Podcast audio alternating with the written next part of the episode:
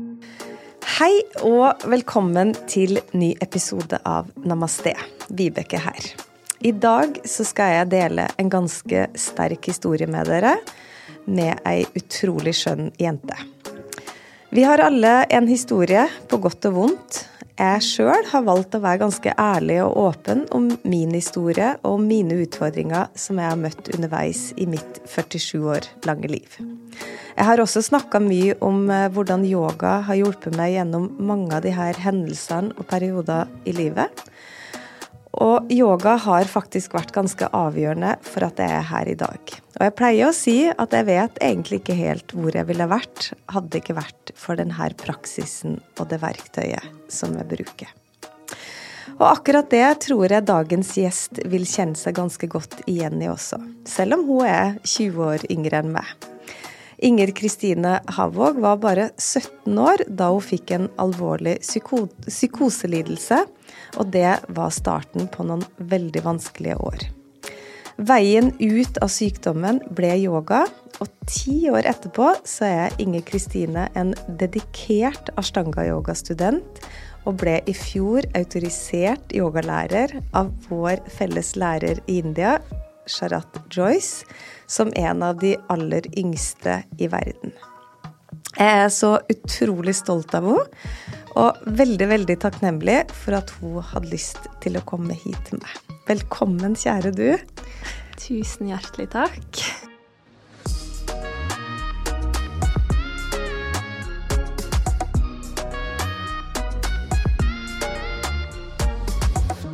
kan vel kanskje bare starte med å advare om at det kan bli litt tårer, fordi at jeg sitter med tårer som renner allerede. ja, det er nok på sin plass å advare om det. ja, uh, og det, det, har det vært i noen episoder her, så jeg tenker at det skaper vi rom for. Uh, og så er det jo bare at jeg er veldig, veldig glad for at du er her. Mm. Ja, tusen takk. Jeg er veldig, veldig glad for at jeg fikk komme. Så bra. Og så bor du jo egentlig i Ulsteinvik. Ja, det gjør jeg. ja, Og så er du på besøk i Oslo denne uka her. Kan du fortelle hvorfor? Eh, ja, jeg er jo på en workshop eh, på eh, yogastudio som vi begge går på i Oslo. Mm. Eh, med en, eh, en eh, yogalærer, Ashtanga-yogalærer. så det er viktig for meg å få litt påfyll som Eh, student også, eh, og ikke bare undervise. Så eh, derfor så har jeg tatt noen dager nå i Oslo for å bare være en del av fellesskapet og få lære også. Mm. Og vi har jo vært på matta sammen i dag, vi. Ja. Passa det veldig det. godt og, at du kom hit i studio, da. Mm. Men du, la oss gå tilbake til 2013. Mm. Og du var 17 år. Det er ti år siden. Mm. Eh, hvordan hadde livet vært frem til da? Eh, nei, jeg har hatt en helt normal barndom og oppvekst. Jeg kommer jo fra et veldig lite sted, eh, lita bygd på Sunnmøre. Men eh, sånn generelt så Alle har jo sine opp- og nedturer, men generelt så har jeg hatt en normal oppvekst med ja, skolegang og hobbyer og venner og alt det som hører med når en er fram til 17 år. Så jeg hadde det egentlig eh, jeg eh, hadde det egentlig greit fram til eh, den hendelsen. Sånn i mm. helt enkle trekk. var du veldig aktiv? Nei, altså det er det som er litt morsomt, da, fordi jeg var ikke så veldig aktiv før jeg starta med yoga. Alltid drevet med dans. Jeg vokste opp med å drive med eh, ballett og jazzballett. Um, men før jeg starta med yogaen, så var det mye mer kreativt og liksom kunstnerisk og hobby uh, for meg enn nødvendigvis trening. Så eh, Men jeg var ofte sånn i gymtimene og sånn, så var jeg sånn som så kunne jeg bare Nei, det her orker ikke jeg å bare sette meg ned og Så det er egentlig litt morsomt at jeg har gått så inn i en yogapraksis. Jeg tror hvis du hadde spurt de som har gått på skole med meg, om det skulle da, om det skulle skje nå, så tror jeg ikke jeg hadde forventa det.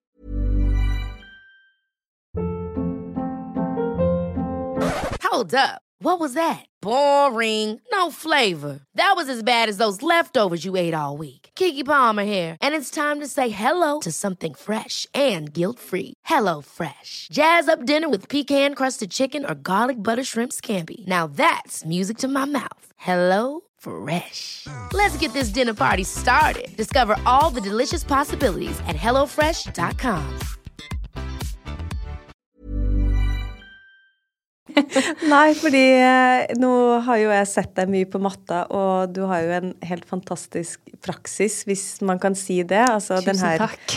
fysiske yogapraksisen som vi gjør. Og det er jo ikke Vi snakker jo aldri om å være god i yoga, men vi snakker om å ha en dedikert praksis. og Eh, og så er det jo noen av oss som er mykere enn andre, altså, eller mer åpen, bevegelig. Altså, Og det, det, eh, altså, det kommer jo etter hvert for de aller fleste, da. Men eh, du er nå ganske begava med en, en åpen og myk kropp. Og, og derfor så er det jo litt sånn eh, rart å høre at du sier at du ikke var så aktiv når du var ung. Ja. ja. Det er litt Men- morsomt. Men fortell, så du var 17 år. Hva, hva var det egentlig som skjedde? Um, det kom ganske sånn plutselig. Eh, det er jo egentlig veldig vanskelig for meg å snakke om dette her, så jeg skal prøve, prøve mitt beste. Em, det som jeg merka da, eh, før den psykoseepisoden, var at jeg følte meg et par dager i forveien at det var noe som var veldig feil. Jeg følte at jeg nesten ikke var i min egen kropp. Jeg hadde veldig sånn angst og følte at jeg bare ville ut av meg sjøl, at ting var veldig uvirkelig. Um, og det jeg lært i ettertid er ganske typisk før en psykose, da. Uh, jeg tror jeg var på en plass i livet der uh, jeg hadde begynt på videregående året før, og jeg hadde kanskje ikke kommet helt inn i miljø. Jeg følte kanskje at jeg hadde valgt litt feil linje, eller Det var ikke noe sånn alvorlig, men jeg kjente meg litt sånn utilpass i de tinga der, da. Eh, og jeg tror at det kanskje gjorde at jeg følte på en sånn uro. Em, så i de dagene som leda opp til psykosen, så, så kjente jeg på disse tinga som jeg beskriver. Og så uh, var det en hyttetur, rett og slett, um, med noen venninner. Og jeg husker på vei dit også, så var jeg helt sånn Jeg vil bare nesten hoppe ut av bilen. Jeg følte at det var noe som var så feil, da. Og så kom vi på den hytta, og så eh, Dette er et øyeblikk jeg aldri glemmer. For eh, ja, det tror jeg kommer til å huske for alltid. Men vi holdt på å legge på sengetrekk på sengene. Og da kom det på en måte en en tanke inn i hodet mitt som ikke var meg. Og dette er veldig vanskelig å forklare til noen som aldri opplevde det, men det føltes ut som noen satte tanker inn i hodet mitt som ikke var meg, eller at det var en stemme inn i hodet mitt som fortalte meg at jeg skulle gjøre noe. Og det var um, Det var voldelige tanker. Det var ganske sånn alvorlige, voldelige tanker. Og jeg husker i det øyeblikket når det skjedde, så uh, blei det en sånn enorm splittelse inni meg sjøl, da. Jeg følte at Følelsen er at jeg kan ikke være meg sjøl, eller jeg kan ikke eksistere som meg sjøl samtidig som disse stemmene er i hodet mitt. Det er, ikke, det er umulig. Så du føler på en måte at du blir revet i stykker innvendig, da, fordi det er så fremmed, og det er så eh, feil. Um, og det er også jo veldig typisk for en psykose.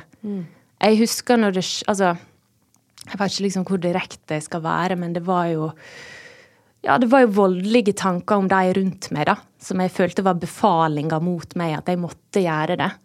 Um, og det er en helt grusom ting å oppleve. Jeg husker første tingen jeg, jeg tenkte var at jeg kan ikke Nå er, nå er jeg død, liksom. Nå fins det ikke jeg lenger. Um, jeg kan ikke eksistere som meg sjøl samtidig som denne stemma er inni meg og kommanderer meg til hva jeg skal gjøre. Og så husker jeg det andre jeg tenkte var at Um, for de gikk jo og la seg og fikk sove sånn etter hvert. Jeg fikk ikke sove. Uh, var at uh, det var en, en elv eller en innsjø nedenfor, så jeg tenkte nå jeg bare går og drukner meg sjøl. For det er lettere. Det er lettere for alle. Det er lettere for meg, det er lettere for de som er her, det er lettere for alle. Um, Og det var ikke en sånn sjølmedlidenhet i det heller. Det var ikke på en måte depresjon, men det var en sånn indre eh, galskap, da. Mm. Um, du føler deg nesten som et dyr i en sånn felle. Bare sånn Jeg kan ikke eksistere når dette skjer med meg. Men, men skjønte du altså For det, det, høres ut som at det er liksom noen som kommer og tar liksom plass mm. i kroppen din, altså inn i hodet. Mm. Men skjønte du da hva som skjedde? Både ja og nei. Mm. Jeg har fått høre liksom i ettertid at uh, psykose er et veldig stort spekter av, av ting. Mm. Uh, du har jo dessverre de som agerer på disse tinga også, og det har aldri vært meg. Men um, men jeg hadde jo på en måte et slags fotfeste i at dette, disse tinga ønsker ikke jeg å gjøre. Nei. Det var veldig tydelig for meg fra starten av. Mm. Så krisa eller terroren var på en måte at nå har jeg noen inni hodet mitt som forteller meg at jeg skal gjøre helt grusomme ting. Og det ville ikke jeg gjøre. Nei, så du, du hadde fremdeles en slags hva skal du si, fornuft eller en side i det som klarte å stå imot det på en måte, da? Ja, ja. det hadde jeg. Um, og det er jeg jo selvfølgelig veldig glad for i dag. Mm. Og så er jeg veldig, veldig redd for å fortelle dette fordi Altså, det er jo en ting det er mye stigma rundt. Jeg er redd mm. for at folk skal dømme meg, eller tenke at jeg er farlig eller gal, eller um, Og så hadde jeg jo også en vrangforestilling i mange år om at hvis jeg kom til å fortelle det, da kom det til å skje noe grusomt, eller jeg kom til å miste kontrollen bare fordi jeg fortalte det. Jeg hadde liksom stemme som, som sa det, da. Mm. Um, så det har vært vanskelig. Mm. Veldig vanskelig. Som jeg sa innledningsvis, og jeg syns det er utrolig tøft av deg å fortelle. Og jeg vet jo at eh, vi starta jo å snakke om det her eh, for et år siden da jeg var på mm. besøk i Ulsteinvik og hadde workshop der. Um, og jeg vet jo at det har sittet veldig langt inn å snakke om det. Mm. Uh, men, men, kan du si noe om hvorfor du har lyst til å at du, at du, valgte å faktisk være åpen om det? Ja. Um,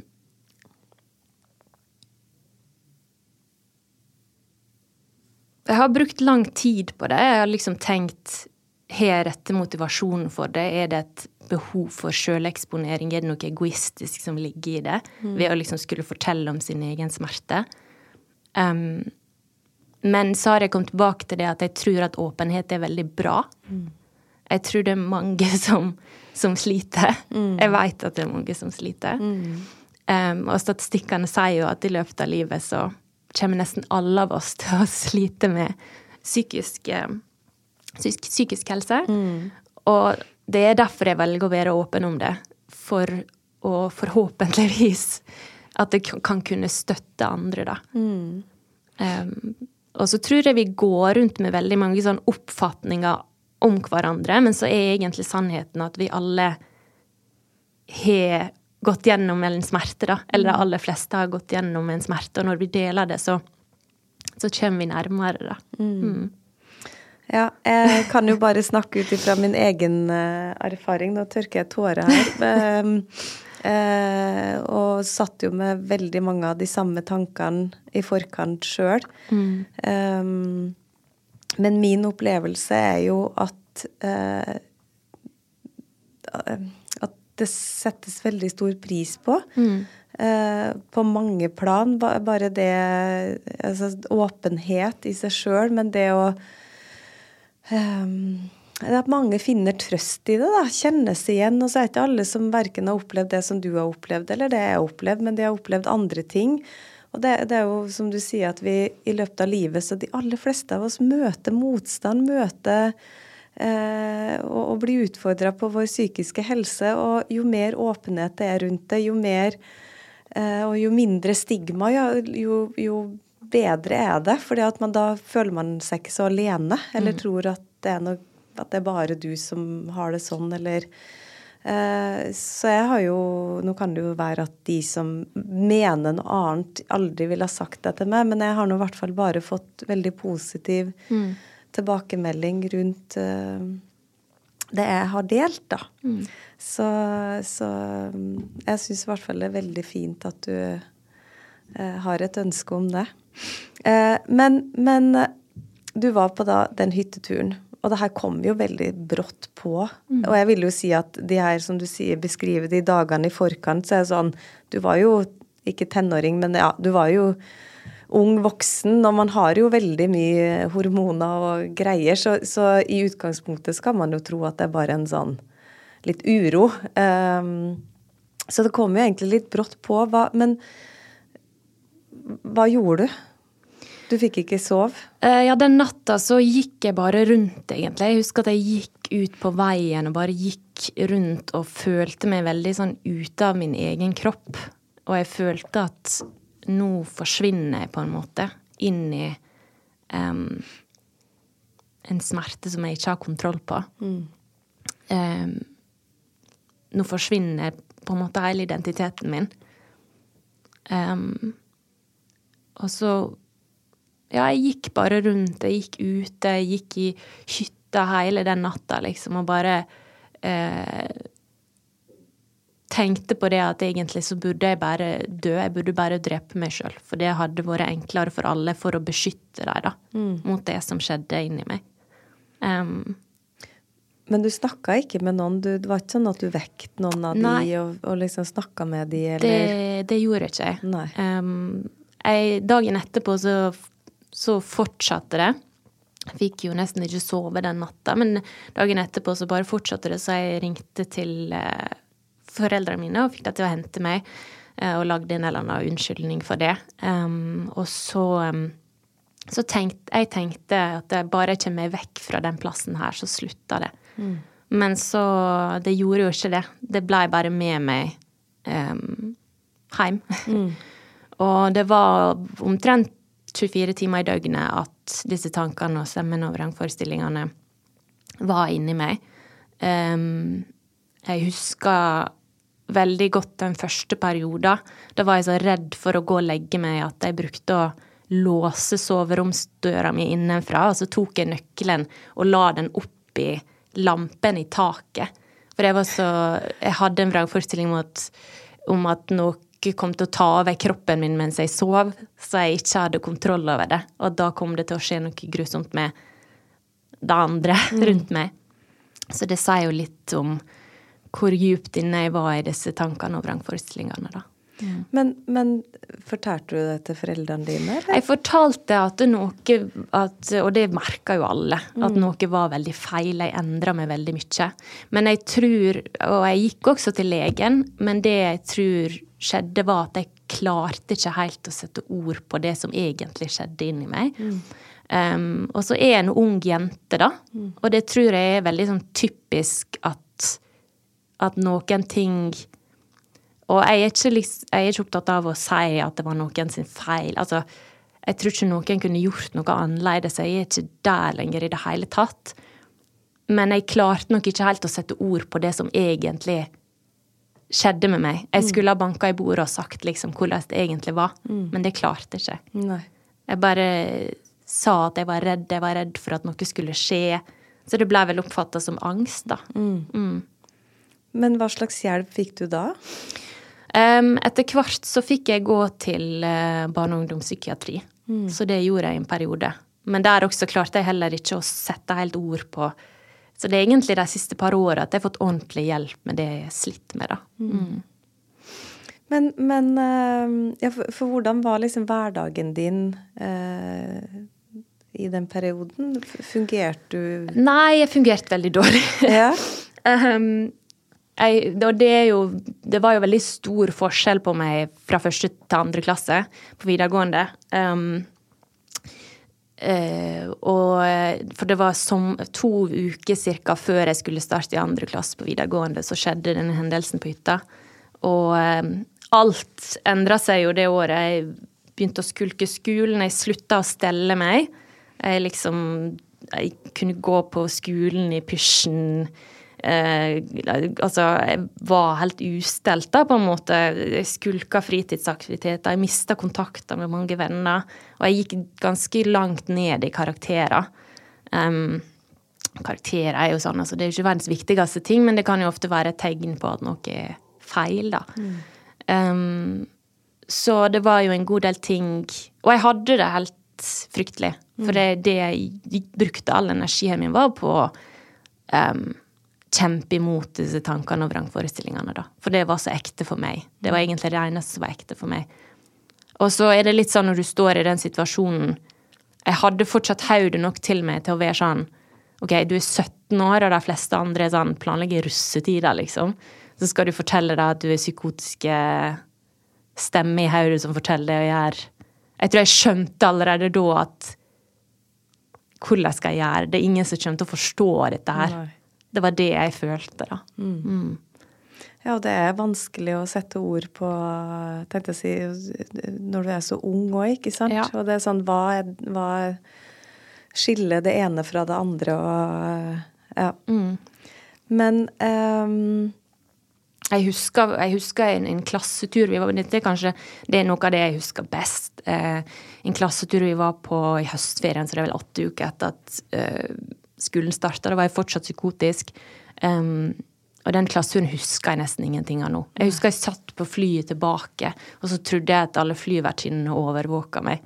Og Oi. at avisa liksom At det sto ting i avisa som handla om meg, eller at eh, At liksom noen kom til å dø. Altså alle vrangforestillingene mine gikk inn i verden rundt meg. Da. Det er jo også typisk for psykose.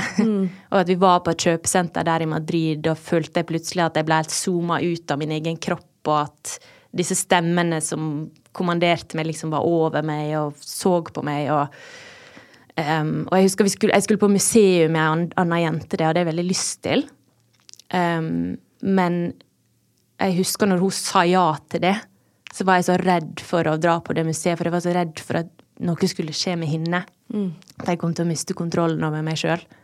Um, ja, så Og i ettertid så har jo folk sagt liksom sånn at jeg skreik til deg og sånn, og så Det husker ikke jeg. nei. Og det er, det er noe av det verste, da, når du ikke um, Det er sånn som det satt en skikkelig støkk i meg, at det liksom OK, jeg husker ikke det engang, liksom. nei.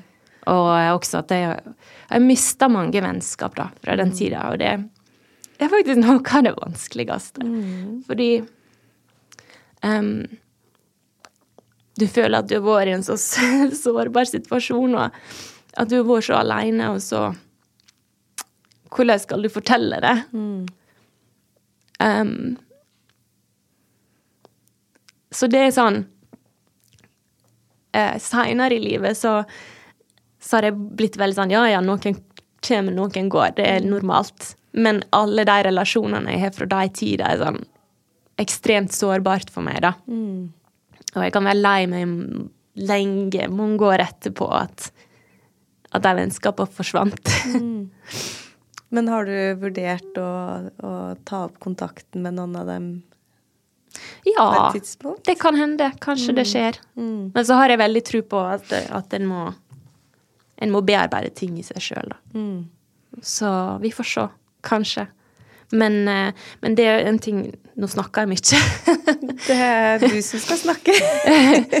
det, det er en ting som er, Eller en innsikt som har vært interessant, da. At psykosen var ekstremt traumatisk for meg, men noe av det vanskeligste er på en måte tilpasninga i etterkant også. Å bli en integrert person som fungerer igjen. Eh, både sosialt og i samfunnet. Og, og isolasjonen er noe av det verste. Og det tror jeg er felles for, for mental helse. da. At det er liksom den tingen vi sliter med. Det kan være angst, depresjon, psykose. Men så er det på en måte isolasjonen som kanskje dreper oss mest, da. At en er så aleine. Ja, den ensomheten. Ja, ja. ja, det kan jeg jo kjenne meg igjen i at uh, Og jeg har masse ressurssterke folk rundt meg på mange mulige måter, men, men i de periodene hvor jeg har på en måte hatt det som tøffest, så har jeg jo ikke latt de få lov til å komme inn heller. Samtidig som at det å være så alene om det du føler, er også helt forferdelig. Men du blir liksom dratt imellom ja, mellom det å ikke ville slippe noen inn, men å være alene er også helt forferdelig. Så det Men nei, fordi det er jo litt sånn For det er vanskelig for folk rundt, ikke sant, når man ikke skjønner eller eh, og, og, og jeg er jo helt sikker på at hadde mange av de eh, visst historien din og visst hva du egentlig eh, gikk igjennom, så hadde jo mest sannsynligvis ikke på en måte fjerna seg eller eh, gått tapt. Mm. Så det er jo litt sånn eh, når man ikke vet, ikke sant. Ja. Så um, Og så syns jeg det er viktig å si også at jeg var liksom ikke en spesielt god person. Jeg var veldig sint. Jeg var veldig, veldig sint. Og passiv-aggressiv og vanskelig å være sammen med, egentlig. Så det, det syns jeg er en viktig del å ta med også, at det, jeg har hatt det veldig vanskelig. Men jeg forstår også en god del av det. Og det tror jeg nok er vanlig også for mange som En har det vanskelig sjøl, og når en har en smerte sjøl, og en ikke klarer å uttrykke det, en ikke klarer å forløse det, så prøver en å ta ut den smerten på verden, da. Så jeg har også forståelse for det. Jeg skjønner det, liksom. Um, Men det her varte jo en, en god stund. Eh, men et par år etterpå, når du var ferdig med videregående, så valgte du å begynne på folkehøyskole. mm. Og der bestemte du for å gå på yogalinje. Og jeg blir jo helt sånn fascinert. For det første så er jo sånn ti år siden fantes det faktisk yogalinje på folkehøyskole. Bare så fantastisk. Men hva var det som gjorde at du valgte det? Jeg tror Jeg skulle egentlig gå på sånn dramalinje eller noe. Og så siste øyeblikk så ombestemte jeg meg, og så ble det yoga likevel. Og jeg veit ikke helt hvorfor. Jeg husker det var på en sånn workshop med noe annet året før. Og der var det en fyr, sånn hippiefyr som bare hadde nevnt yoga. Åh, det er så bra med yoga og pusten og Og så Det er litt merkelig med noen møter sånn i løpet av livet, så er det noen som sier noe, så bare husker du det. Eh, og jeg bare husker det han hadde sagt, da. Og så tenkte jeg liksom yoga. Ja, jeg tror det er yoga jeg skal, skal gjøre etter, etter videregående. Um, og så hadde jeg hørt at det var liksom avslappende, kunne være bra for mental helse og sånne ting, så da ønska jeg å, å gå på yogalinje, da. Mhm. Men hvordan var det? Altså, hvordan ble det her året på folkehøyskolen for deg? Det var veldig fint. Det var også Jeg var fortsatt en litt sånn skada person i forhold til det jeg hadde eh, opplevd. Så det var litt både og, men den yogabiten var helt fantastisk. Det var noe som jeg på en måte kjente meg hjemme i med en gang. At jeg liksom skjønte Og det tror jeg er den ene gangen i livet at jeg virkelig var sånn OK, dette er min greie, da. Dette skjønner jeg bare sånn intuitivt. Jeg skjønner hva eh, Det treffer meg, da. Er kanskje den rette tingen å si. Men eh, f- før vi går videre, altså um, Det her er jo et par år imellom, men, men følte du deg bedre? Altså hvordan på en måte Når vil du på en måte si at du kom liksom litt ut av den psykoselidelsen? Um, det gikk Det starta jo i juli i 2013, og så resten av det året så var jeg, sleit jeg veldig med disse psykose, både vrangforestillinger og stemme og alle disse tinga her. Og så eh, rundt nyttår, dette blir jo sånn cirka, men rundt nyttår i 2014, så begynte det å gå mer og mer over. Um, men da ble jeg veldig depressiv. Em, eller jeg var helt sånn tom, da, på en måte. Jeg hadde ingenting å gi. Jeg ble veldig platt og tom og um, Ja, jeg bare var ikke der. Em, og det fortsatte vel egentlig resten av videregående med noen av de psykoserelaterte tinga, men mest det at jeg var veldig deppa. Mm. skulka veldig mye, gjorde veldig lite. Droppa veldig ut av aktiviteter og sosiale ting og, og alt sånt. Um, og det var på en måte i den perioden når jeg var veldig sånn platt og nede og sliten, da, etter det jeg hadde opplevd, at det med yoga Ja. ble en idé for meg, da, så jeg tenkte kunne være lurt. Mm. ja. Og så begynte du da på Hvor gikk du på folkehøyskole? Og så eh, Jeg tenkte jeg bare skulle nevne en annen ting, fordi når jeg sto i disse her eh, verste psykose-vrangforestillingene der jeg på en måte hadde stemme i hodet mitt som sa at jeg skulle altså drepe folk, liksom. Det er helt uh, Det er så vanskelig å si, for det er ikke meg, men når jeg sto i, i det, da, em, så så fikk jeg en innsikt, og det er sånn I ettertid så tenker jeg egentlig at det har vært den største velsignelsen, fordi jeg hadde en tanke Selv om jeg var veldig ung, så tenkte jeg at OK, jeg har denne stemma i hodet som forteller meg at jeg skal gjøre dette, men hvis det var kun den som fantes, så hadde jeg gjort det.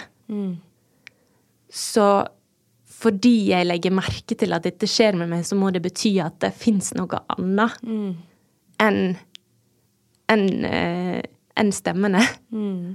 Og da begynte jeg å tenke på hva er det, da? Hvis jeg er noe annet, hvis det er noe mer enn enn bare stemmene. Og da fant jeg på en måte et mellomrom i det som var en sånn stillhet, eller en en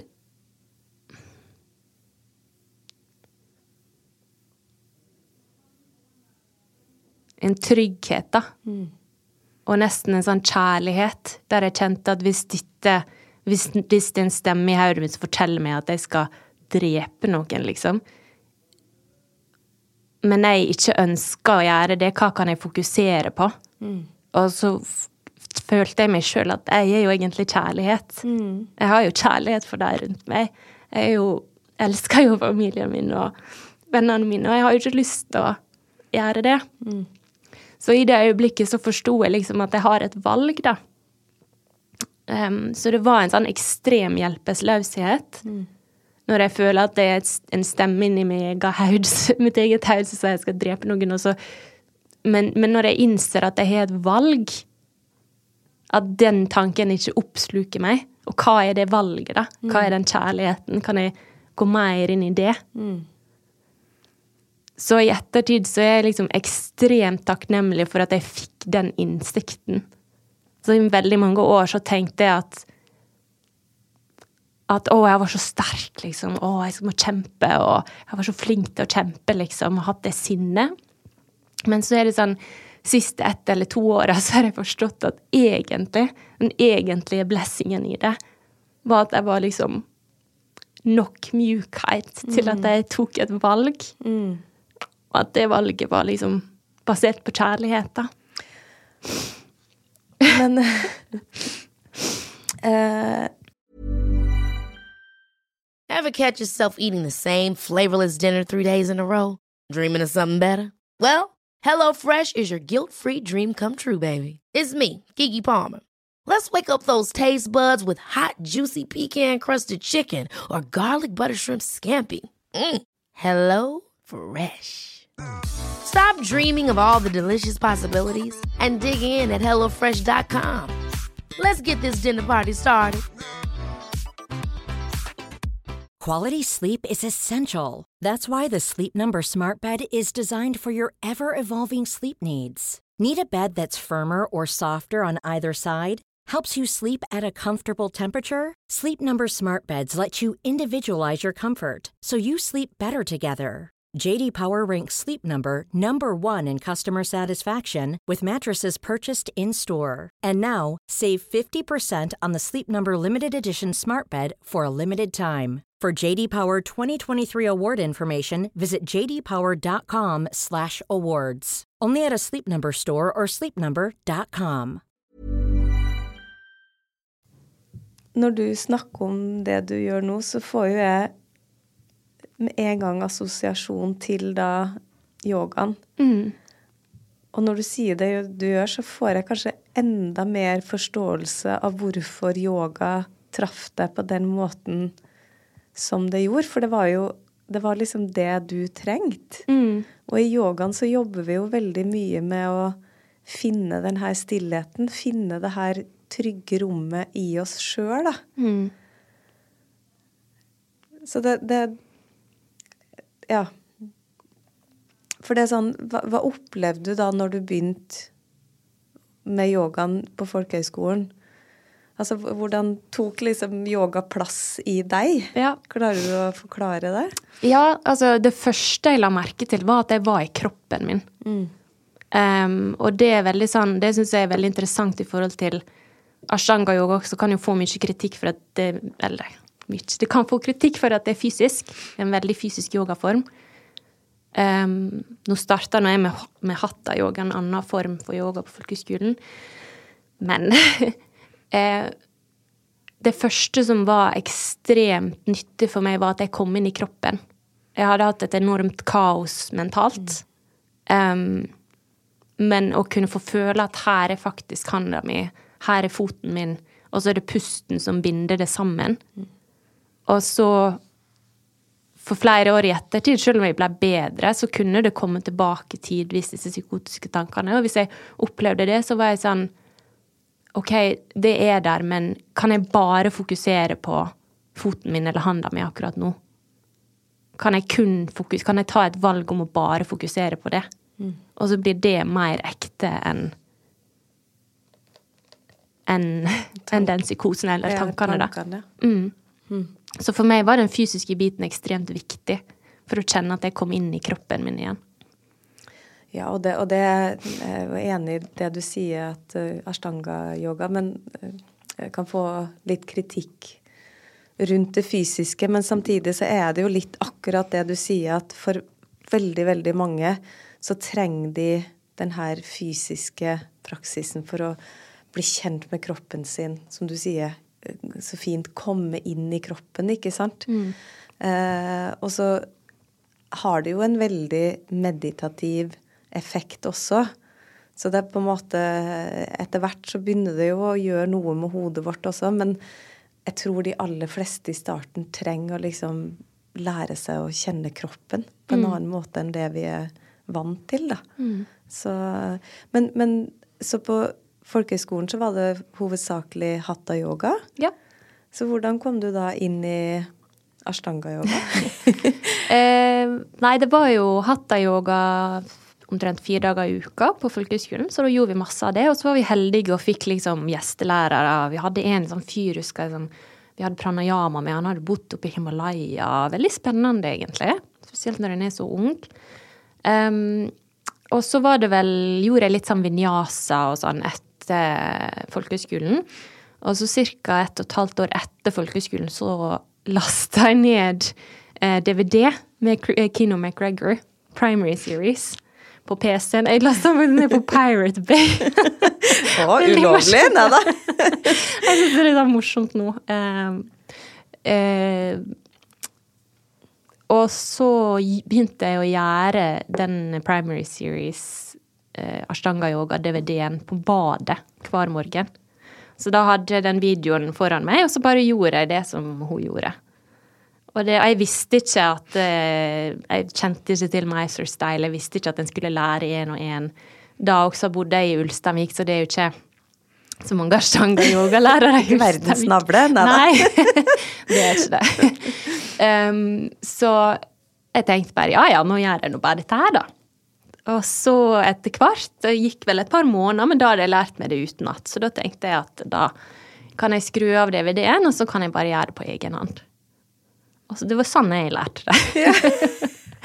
Ja, så jeg har jo hørt opp igjennom veldig mange varianter hvordan, eh, hvordan man har lært uh, ashtanga-yoga. Eh, ja, jeg skal ikke komme inn på det, men, eh, men eh, altså Ulovlig DVD lasta ned på baderommet er jo fin inngang, det. Ja. Til, eh, men um, nå har jo du blitt en veldig dedikert eh, ashtanga-utøver. Jeg vet ikke hva vi egentlig skal kalle oss, jeg, men eh, student uh, slash yogini. Ja. Um, og livet ditt er jo veldig fokusert rundt uh, din daglige praksis og undervise. Altså, du har jo virkelig gå, gått liksom all in på det her. Når var det du liksom skjønt at this is it, liksom? Det her er det jeg skal holde på med? Jeg tror jeg kjente det egentlig første gangen jeg gjorde den DVD-en hjemme. Det husker jeg veldig godt. For jeg, på det tidspunktet så hadde jeg en sånn vikarjobb å være danselærer for seksåringer. Um, og så skulle vi ha en sånn liten danseforestilling med deg. Og da husker jeg var litt stressa for det, men så hadde jeg gjort den DVD-en før jeg dro dit. Og da bare kjente jeg på en helt annen ro. At jeg liksom var mye mer til stede og klarte å gjøre jobben på en god måte, da. Og jeg bare kjente at dette her er veldig riktig. Det er dette her jeg skal gjøre. Det var ikke noe spørsmål for meg, egentlig. Den praksisen bare kom inn og tok plass, og det blei veldig naturlig. Mm. Um, og så var det veldig tidlig etter det at jeg så en sånn YouTube-video med Kino McGregor yeah. Yeah. um, fra Mysore. Og da var det bare sånn Jeg husker første gang jeg så den videoen, så begynte jeg liksom å grine, og bare hjertet mitt kjente at dit skal jeg, da. Um, så det også har vært en veldig sånn blessing at jeg har fått motta det. Mm. det har vært veldig, veldig fint. Ja, for det, det, er jo nesten sånn at ting egentlig har kommet litt til det, føler jeg, når jeg hører det nå. At det er sånn eh, og, og, jeg skulle jo så ønske Altså, jeg var Altså, jeg, jeg, møtte jo yoga første gang i 1997. Da var jeg jo i starten av 20-årene. Eh, men så gikk det jo liksom seks år før jeg fant ashtanga-yoga. Så det var jo liksom i 2003, og da, da var jeg jo liksom litt eldre, da. Og jeg skulle jo så ønske at jeg hadde møtt eller funnet ashtanga-yoga mye tidligere. Men så kjenner jeg jo folk som begynner med ashtanga-yoga når de er 47. Mm. Så kan du jo si at jeg er kjempeheldig som har hatt det i livet så lenge. Men, men eh, eh, jeg får jo veldig følelsen av at det her har bare kommet veldig naturlig til det. Mm. Og du, som du sier, du bor i en bitte liten bygd, ikke sant. Man har ikke den samme til, tilgjengeligheten på et yogastudio eller liksom lærere. Og, så det er ganske imponerende at du har liksom etablert det livet sånn som du har gjort, syns jeg, da. Jeg har jo alltid syntes det. At, eh, at um, alltid tenkt liksom Hvor kommer den dedikasjonen fra? Hvor kommer den disiplinen fra? Uh, kan du si noe om det? Ja, jeg tror Altså egentlig fra jeg var liten, men kanskje spesielt etter det som skjedde meg i tenåra også, som jeg har fortalt om nå, så har jeg følt at det liksom er noe mer, da. Mm. Og at jeg vil vite, eller jeg vil komme nærmere det. Så jeg tror det egentlig kommer derfra. Og så har jeg en veldig respekt for at hvis du vil vite hvem du egentlig er, eller komme nærmere på en måte dypet av deg sjøl, så må du arbeide for det. Mm. så for meg så har det med å ha en daglig praksis bare føltes ut som en veldig naturlig del av det. Mm. Um, akkurat sånn som hvis du vil lære å spille et instrument, eller hvis du vil ta liksom en grad i noe, så må du studere mye. Mm. Og yoga er jo på en måte science of the self. Og da må du studere det mye, da, mm. for å få en innsikt. Mm. Um, og det er sånn, det er vanskelig å sette ord på, det kan fort liksom høres sånn ut som en floskel, eller Det er egentlig det med å, å, å komme nærere noe som er ekte, eller noe som er inni deg sjøl, kan du egentlig ikke sette ord på.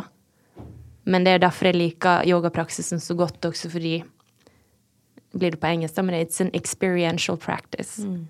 Så du må erfare. Du må erfare det sjøl. Du kan lese det om det i en bok, og du kan, du kan høre foredrag om det, og du kan se på bilder av yogastillinga i en bok, men du må praktisere mm. for å erfare hva yoga er, da. Mm.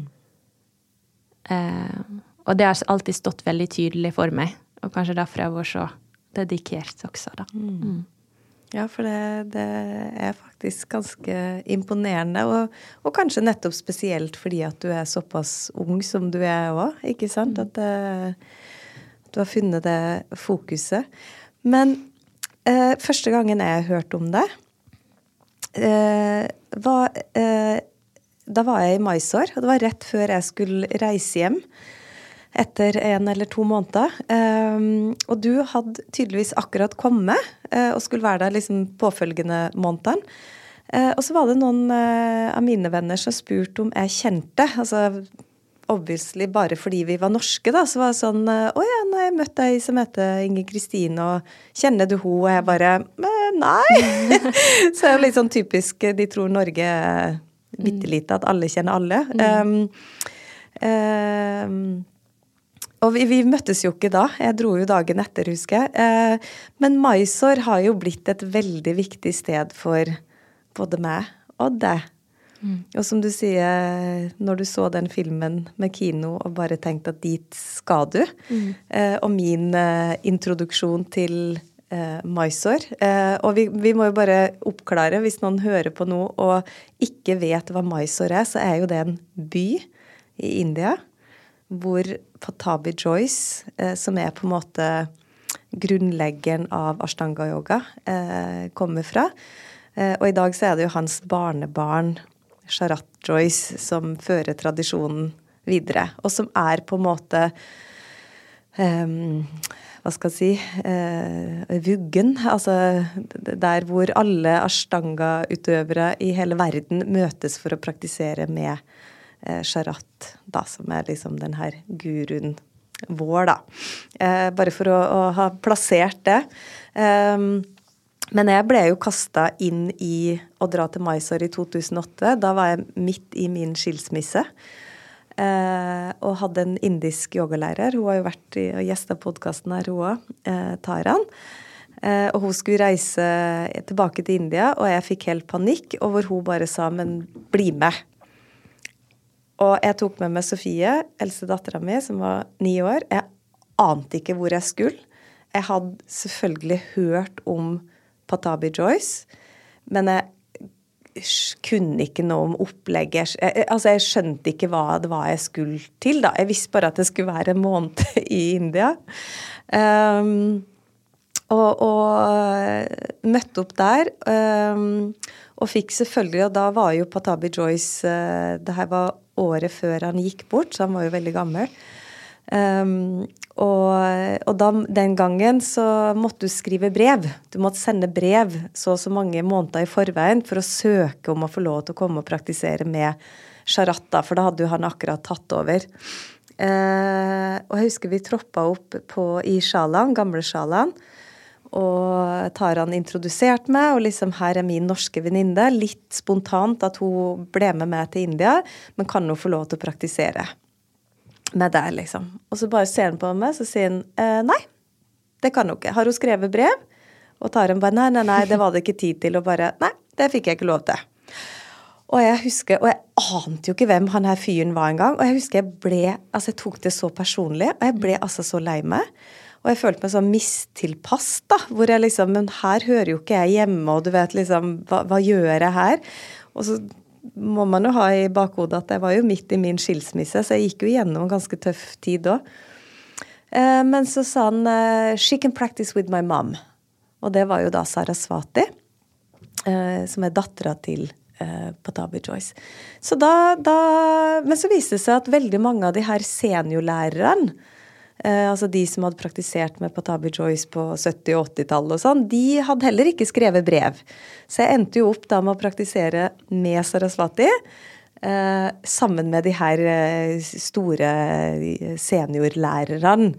Skjønte jeg jo ettertid, da, for jeg ante jo ikke hvem noen var. Men, men eh, Så det, det, ble en veldig fin opplevelse likevel. Og da var jo Patabi Joyce der, og vi feira bursdagen hans. og han eh, gikk jo rundt, var veldig gammel eh, på det tidspunktet, da, men gikk nå rundt inni sjalene der. Så det, det, er sånn Det var liksom første gangen jeg var i Mysore, det var i 2008. Så gikk det jo faktisk åtte år før jeg kom tilbake dit.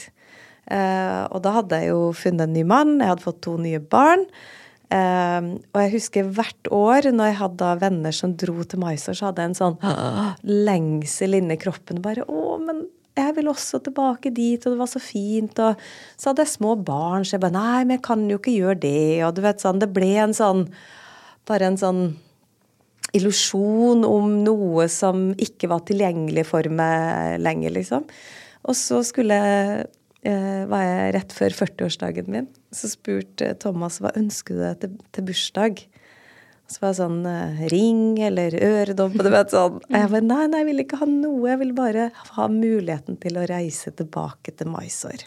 Ja. Og da fikk jeg et kort hvor det sto at jeg kunne få lov til å dra. Og hvis jeg kan dra i mars 2016 så skulle de komme og besøke meg i påska, som var liksom i slutten av mars. da.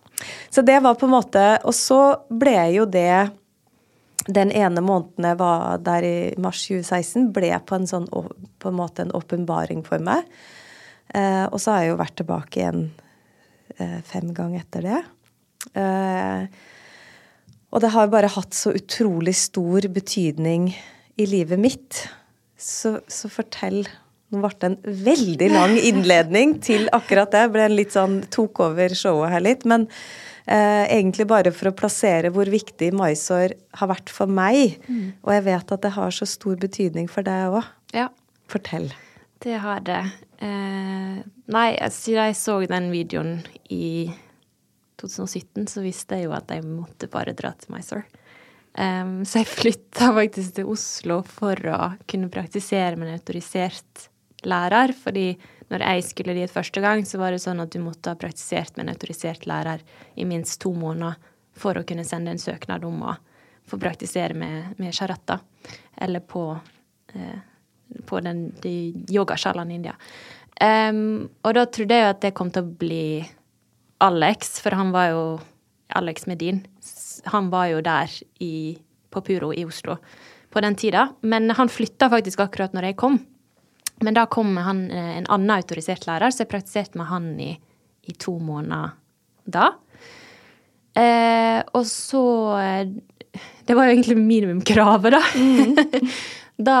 da. spurte jeg han som var der, veldig sånn ydmykt, kan jeg være så snill å få, få sette det som en referanse på søknad til MySor? Og han sa ja til det. Eh, så søkte jeg først én gang, da fikk jeg avslag. For det var veldig stor pågang da, mm, før mm, covid. Mm. Eh, og så søkte jeg en gang til, og da kom jeg inn, da. Så første gangen jeg dro, var i 2018. August 2018. Um, og det er også vanskelig Jeg hadde bare en sånn dragning mot at dit skal jeg. um,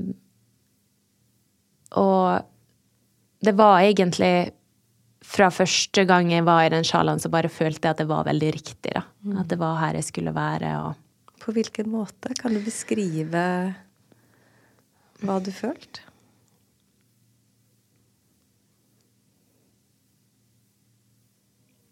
Jeg følte at det var et rom til at jeg kunne få en fordypning inn i min egen praksis. Mm. Inn i min egen yoga, som er alle disse fysiske øvelsene men egentlig så er det bare skjelettet.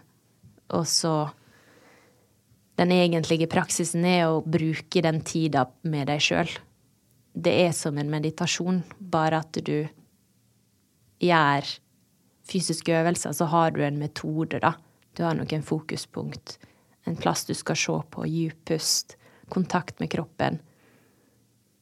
Um, og når du bruker en og en halv time på det hver dag, så er det en kontekst der du får gå dypere i deg sjøl, da. Og når du har en veldig dyktig lærer som Sharat er, så skaper han et rom eller et miljø for at du kan gjøre det på en trygg måte. Mm. Uh, og det har vært ekstremt givende. Mm. Mm. Mm. Men hvordan har du opplevd å være i Mysore? Eh, hva gjør man når man er i Mysore, bortsett fra å fordype seg i den fysiske praksisen?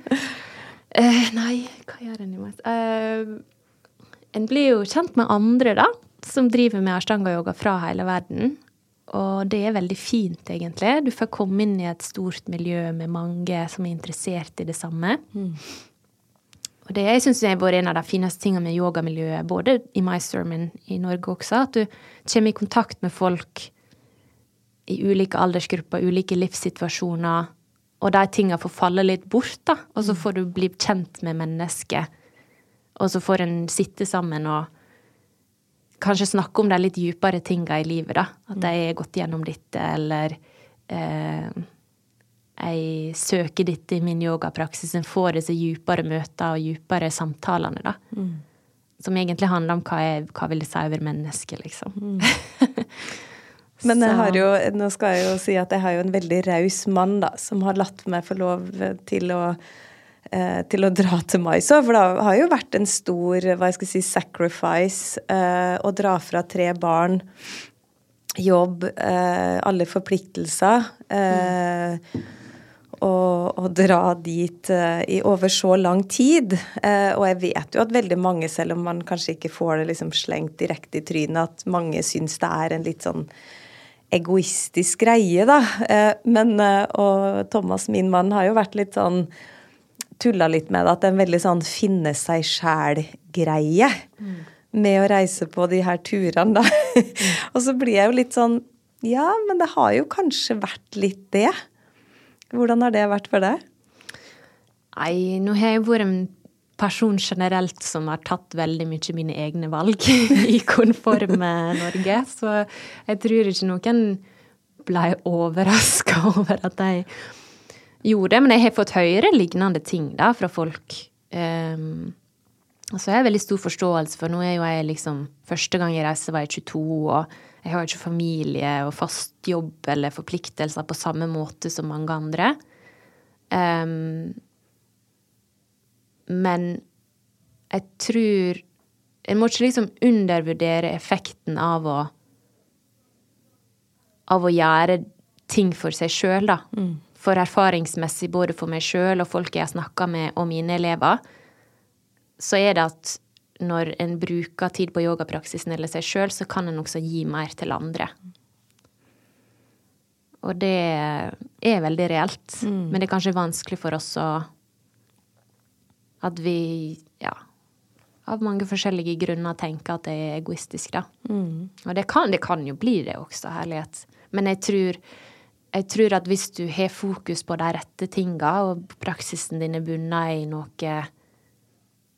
gode verdier, da, så er det egentlig en veldig god ting du gjør for deg sjøl, som du kan gi tilbake til andre i, livet ditt.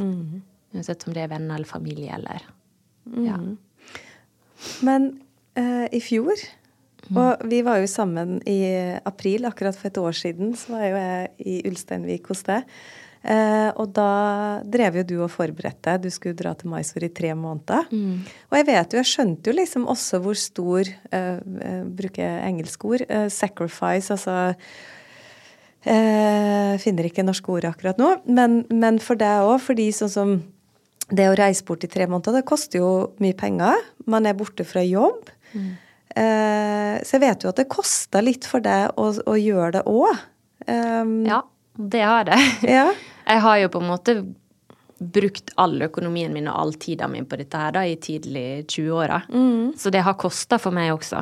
Absolutt. Det har vært en enorm forpliktelse og eh, tror på en måte alle som er i starten til midt av, av 20-åra, veit hvordan det er med tanke på økonomi og livssituasjon. Og, så jeg har ofra mye ja, for å prioritere det.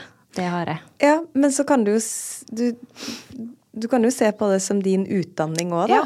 Det er liksom det jeg bruker å si til folk, at dette her er egentlig min utdannelse. Um, Litt utradisjonell på en Ja. måte, men det er jo det det er. ja. Og det, det er sånn i mitt tilfelle så Men den utdannelsen er betalt for sjøl, da. Kan du Ja. si. ja. ja du, får noe, du får ikke lån fra Ikke Statens lånekasse. Nei. Eh, men ikke sant, så, og derfor så krever det jo enda mer fordi at du må, du må jobbe, du må spare opp for å kunne dra dit. Eh, du går glipp av Eller går glipp av du, altså, du tjener jo ikke noe penger mens du er der, så det er, det, det, det, det er virkelig eh, eh, hva skal jeg si, kostbart i, i gåseøyne. Men, og det var jo litt sånn for å forsvare det, eh, eh, at jeg gjorde det her, da. Eh, så var det jo Og heldigvis så fikk jo jeg da min autorisasjon november 2019. Da hadde jeg vært der eh, fra 2016 til 2019 fire måneder. Eh, nei, fem måneder totalt. Eh, fordi at covid kom jo. Eh, og det er jo det at du må være der ganske regelmessig. Han må på en måte bli kjent med deg og din praksis for å kunne gi den her blessinga til å eh, få lov til å undervise, da. Eh, og, og det, for meg så ble jo det en sånn Det var akkurat som å ta en master, pleide jeg å si til folk. At litt sånn Jeg har jo studert før, jeg har praktisert eh, yoga i mange år. Og det her var på en måte min master, uten å gå på et universitet eller du vet liksom. Så fikk jeg jo det her autorisasjonen da, til slutt, ikke sant. Og jeg var så glad for at den kom rett ved covid. Um, men, men, og i fjor så ble jo du da autorisert. Og du er jo en av de yngste, i hvert fall som jeg kjenner til, som har fått den her. Hva har det betydd for deg? Um, det betydde enormt mye for meg. Em, jeg husker når det skjedde, så gråt jeg.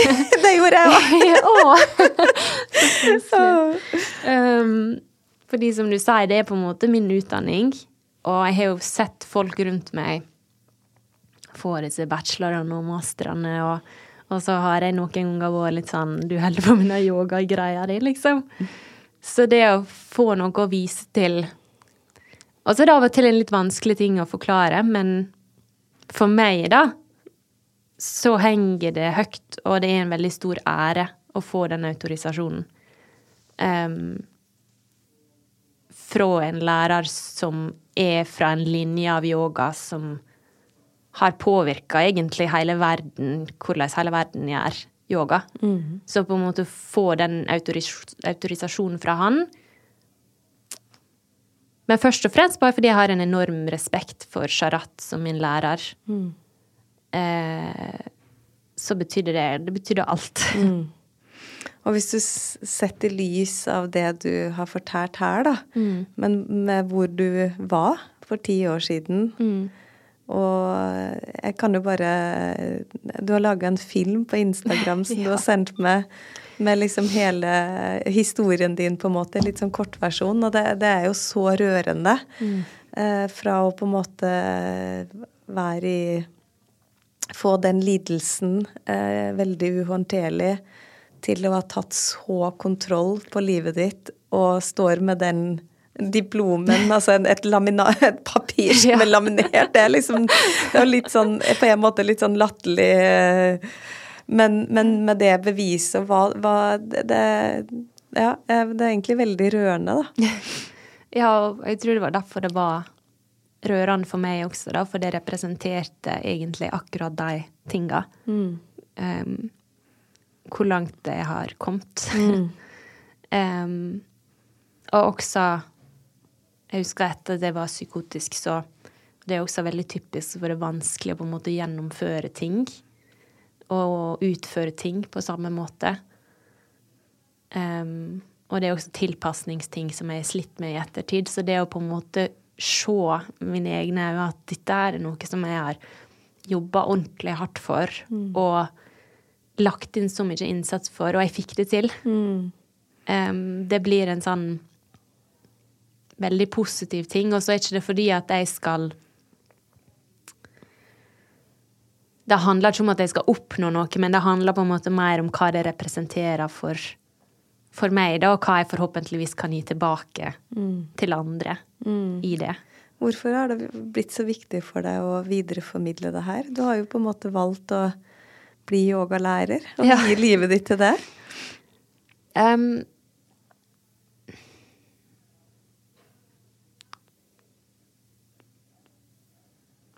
jeg, jeg tror på at yoga er en transformerende praksis. At den kan hjelpe til en transformasjon inni deg sjøl. Hvis du bruker tid på å forstå hva det er, og du bruker tid på å øve på det. Og det kan være forskjellig fra person til person. Alle er på sin egen reise. Men Men yoga har det potensialet, da. Det er jo en sånn gammel saying som sier at yoga is the journey of the self through the self to the self. Så hvis du virkelig bruker tid på det, så kan du komme til en helt annen dybde og klarhet i deg sjøl, som kan være veldig godt for hele livet ditt. Hva drømmer du om? Um, jeg drømmer om å undervise Mysore fulltid.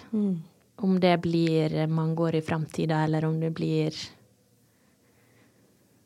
et par år i framtida. Det jeg ikke. Det er en ting som tar lang tid å bygge opp. Det vet folk i ashtanga-yoga-miljøet. Og jeg har veldig tillit til at den prosessen skal få ta den tida den tar.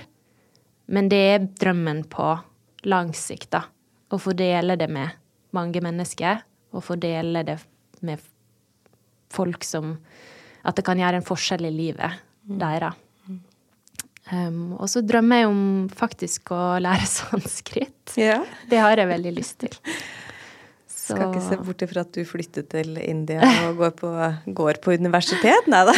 Ja, nei, altså Der er jo litt forskjellige muligheter til å lære det. Men eh, det er også en, eh, et mål jeg har, om det igjen blir ett år fram i tid at jeg starter om det, eller flere år fram i tid, så er det i hvert fall Jeg liker å gå i dybda, der Jeg liker å forstå. Um, og så er jeg veldig opptatt av at det skal ikke handle om at noen skal få det til, eller at det skal være at du, du må kunne de og de tinga, men det er for å ha en dypere forståelse og virkelig kunne tilby noe, noe som er kvalitet, da, til de elevene som jeg får. At de kan liksom gi dem den beste veiledninga, den beste lærdommen jeg kan gi. Mm. For jeg tar ja, tar yoga litt på alvor, eller jeg mener at det er noe som vi bør foredle og bruke tid på å gjøre så godt vi kan. Og det, igjen, det handler ikke om prestasjon, men det handler om at eh, jo mer tid du bruker på å øve, jo mer forstår du, og jo dypere kommer du i mm. det du studerer. Mm. Mm. Ever catch yourself eating the same flavorless dinner three days in a row? Dreaming of something better? Well, HelloFresh is your guilt free dream come true, baby. It's me, Gigi Palmer. Let's wake up those taste buds with hot, juicy pecan crusted chicken or garlic butter shrimp scampi. Mm. Hello Fresh. Stop dreaming of all the delicious possibilities and dig in at HelloFresh.com. Let's get this dinner party started.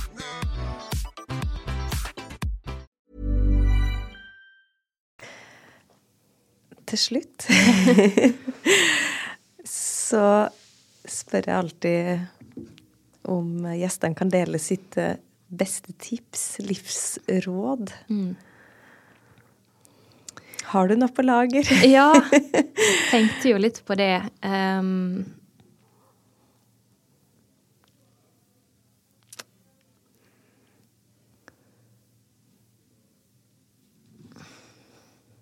livsråd